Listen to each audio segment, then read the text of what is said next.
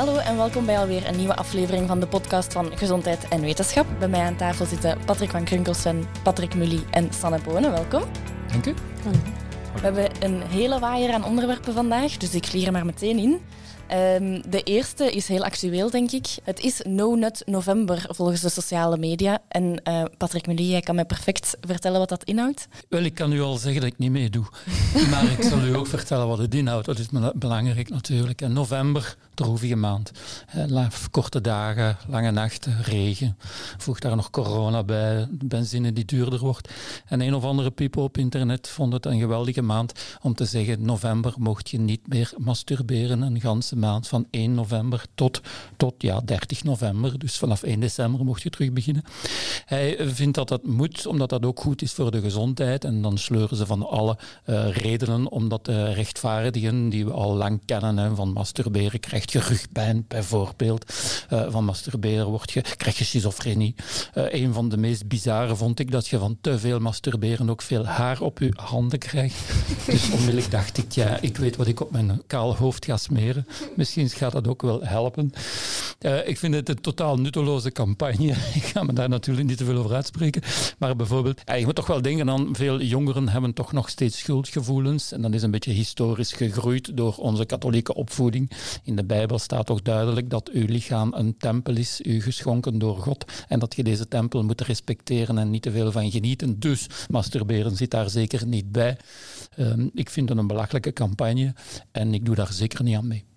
Ik kan me daarbij aansluiten, Patrick. Ja, het is een beetje raar. Hè? We weten ondertussen dat masturbatie heel goed is ook om je eigen seksuele beleving uh, beter te exploreren en je lichaam beter te leren kennen.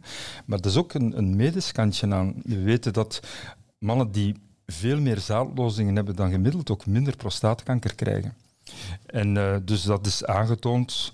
En dus in dat opzicht is ook masturberen voor mannen zeker niet tegen aangewezen, eerder aan te raden. Dus vandaar ook dat deze campagne tot toch vrij nutteloos is. En eigenlijk schuldgevoelens geeft daar wat er zeker geen mogen of moeten zijn. Nu, voor de anekdoten, er zijn ook dieren die uh, masturberen. Ik verschoot daarvan. Bijvoorbeeld olifanten. dat is dan vrij massaal natuurlijk. en dan uh, schildpadden ook, maar daar hebben we wel tijd voor nodig. We blijven nog even in hetzelfde thema, want uh, een ander een ander onderzoek zou aantonen dat jongeren veel vaker te kampen met erectiestoornissen en zij vinden dat porno daarvan de oorzaak is.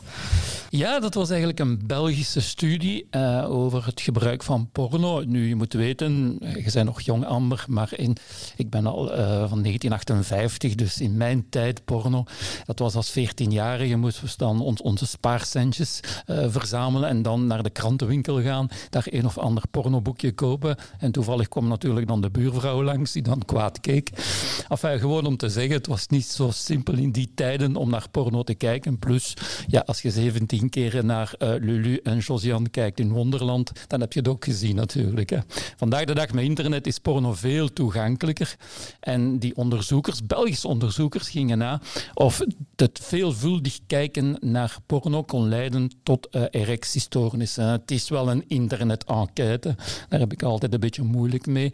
Dus vragenlijsten werden opgesteld. Die mensen werden dan, mannen werden dan gevraagd om uh, deel te nemen aan die enquête. En uiteindelijk één man op vijf, jonge man op vijf, uh, had dus of verklaarde zelf van erectiestoornissen te hebben. En als ze dan die analyse volledig deden, dan zagen ze dat veel mannen, of vooral jonge mannen, die veelvuldig naar porno kijken, uren en dagen aan een stuk, dat die eigenlijk meer erectiestoornissen hadden dan andere mannen. Uh, om u een idee te geven, 28% van die mannen keek naar porno op het werk.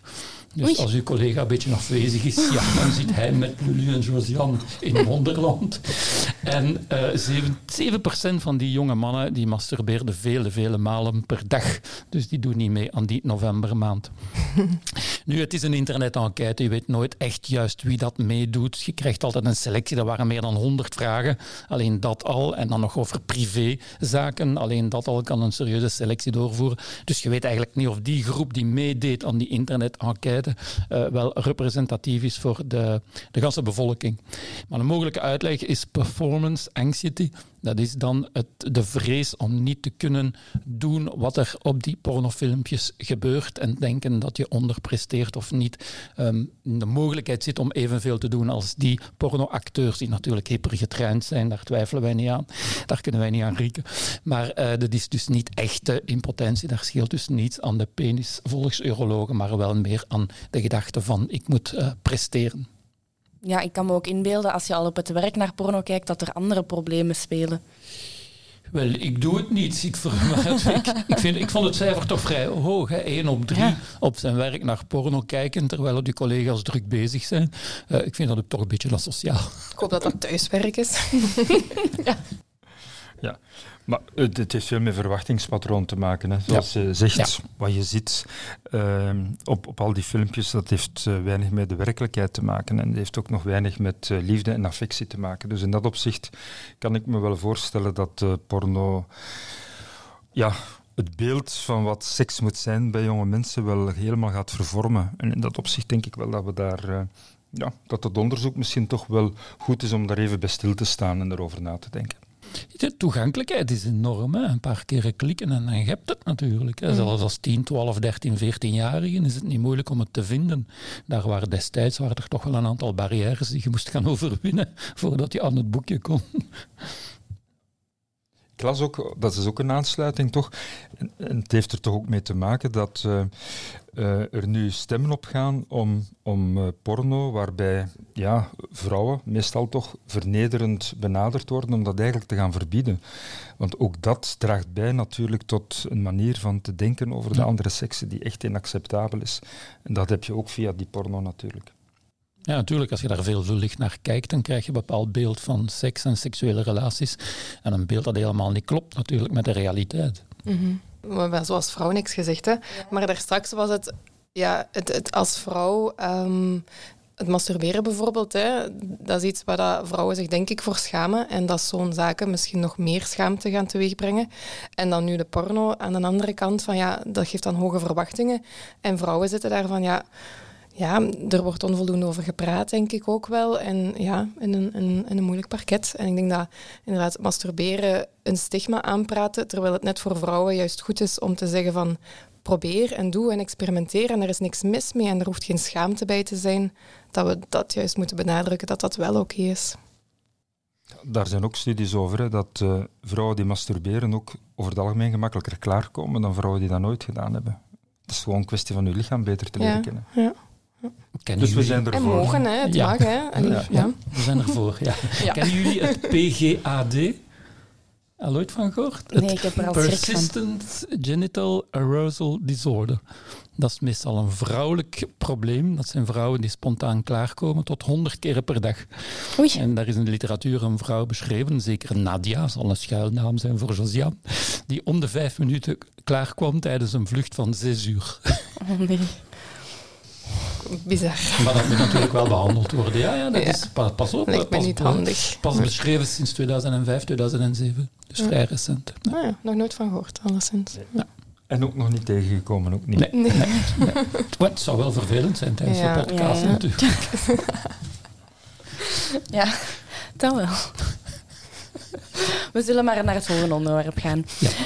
Um, want andere onderzoekers zeggen dat je met een urineanalyse uh, chronische problemen kan voorspellen. Klopt dat? Wel, we blijven een beetje in dezelfde zone natuurlijk. Dat is eigenlijk een Belgische studie aan de Universiteit van Hasselt en Leuven. En wat hebben die gedaan? Ja, die hebben eigenlijk een cohortstudie gevolgd. Dat zijn dan mensen die gedurende vele jaren opgevolgd worden. En tijdens die opvolging gaat men zien wie krijgt hart- en vaatziekten, wie krijgt diabetes, wie wordt obese en zo en.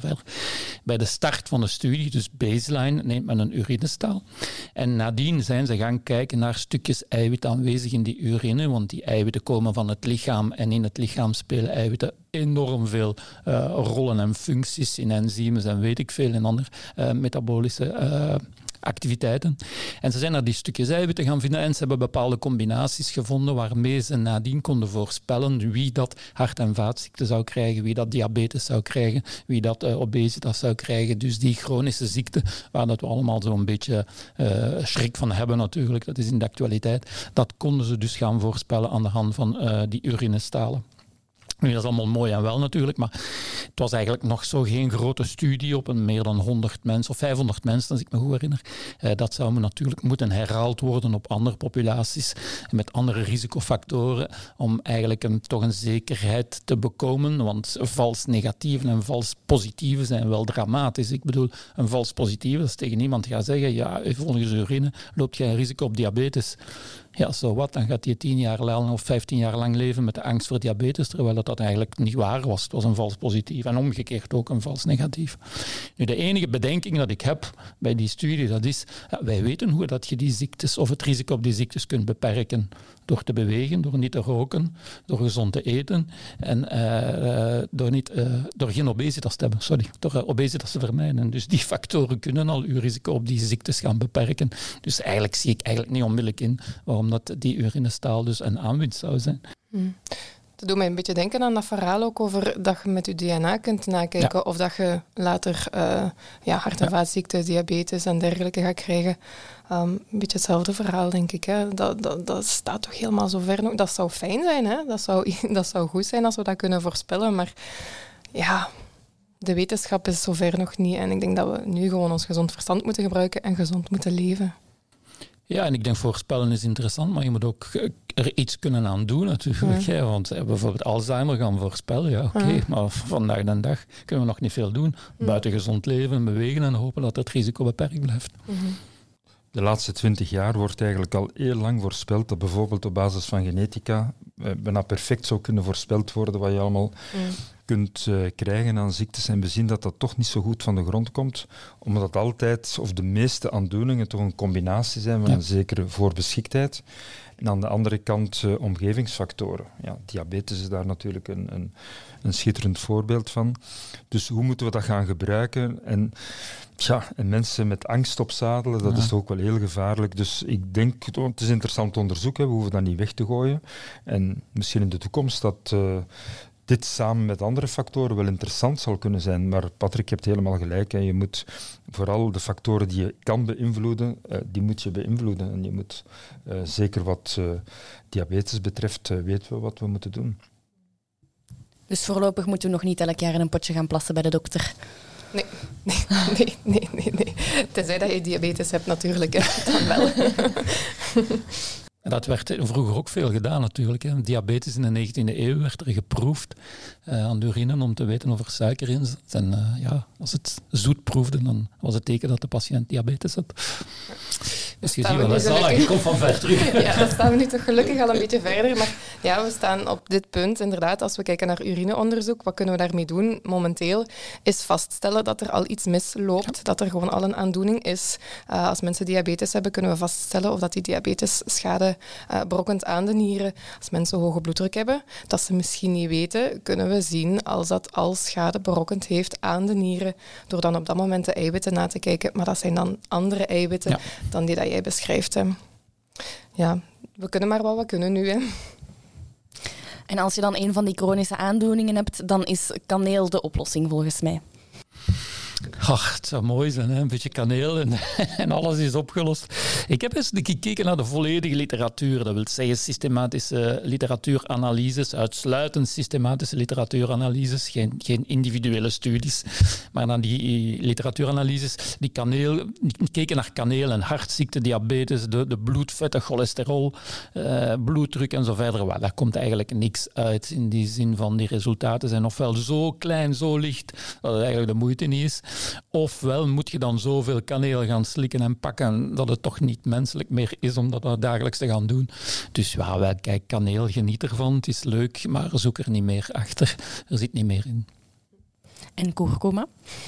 Ja, inderdaad, die kurkuma. Want uh, ja, ik, heb, uh, ik heb een vader met ernstig knieartrose en een trouwe volger van gezondheid en wetenschap. En ineens uh, kreeg ik een berichtje. Zeg, dochter, dochter huisarts, kan ik iets met die kurkuma? Ja, curcuma dat is al een, een, product dat zeker de laatste tien jaar uh, veelvuldig de kop opsteekt. En ja, dat is een, een, ook een voedingssupplement, en wordt ook zo verkocht, trouwens vrij duur verkocht.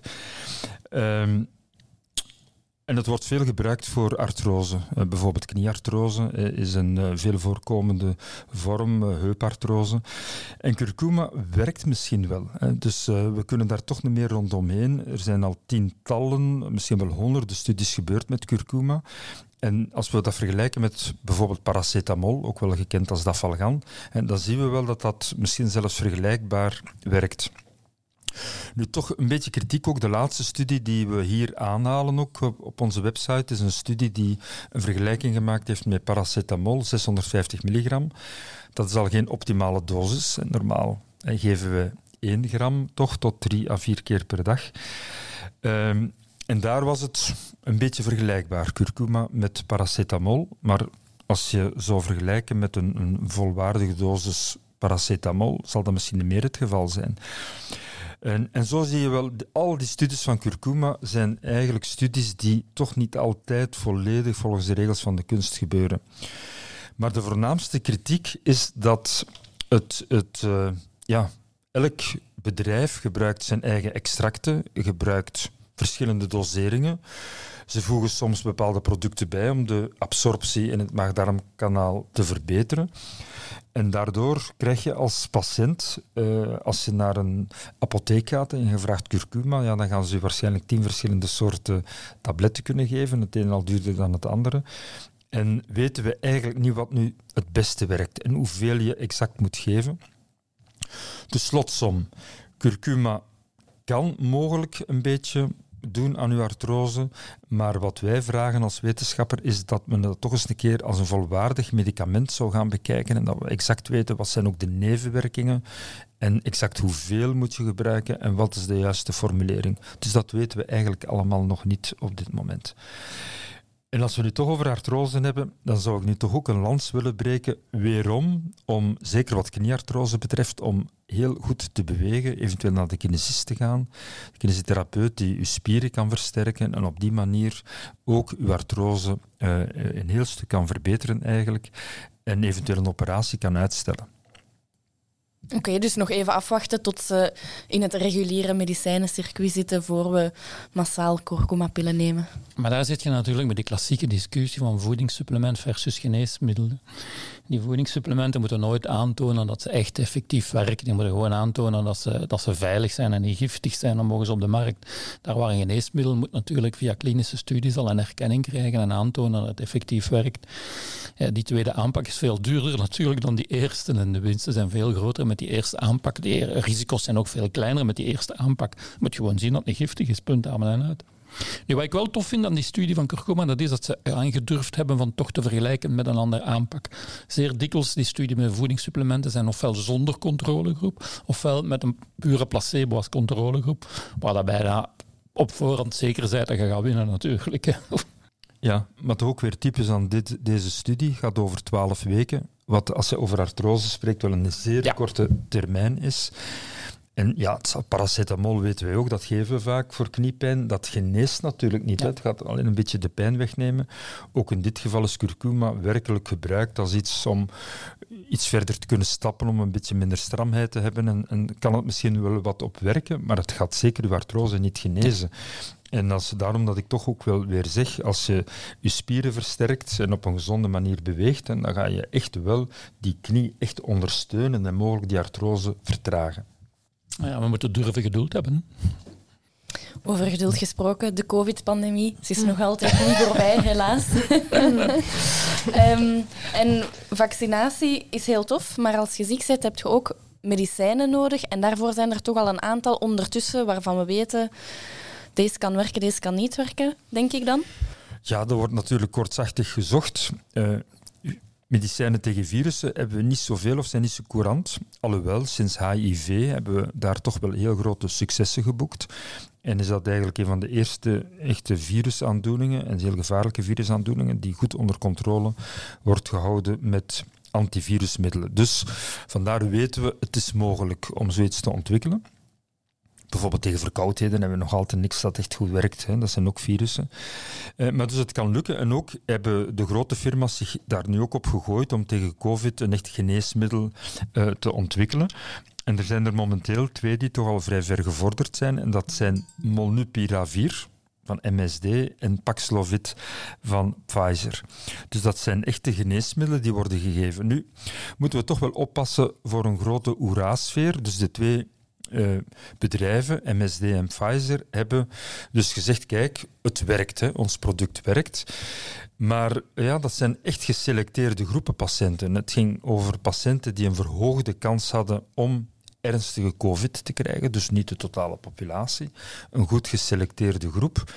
En daar zag men toch wel dat zij een mindere kans hadden om te overlijden of om in het ziekenhuis terecht te komen. En die vermindering, laten we zeggen, dat ging van 50% minder tot zelfs bijna 90% minder kans om dus ernstige COVID te ontwikkelen.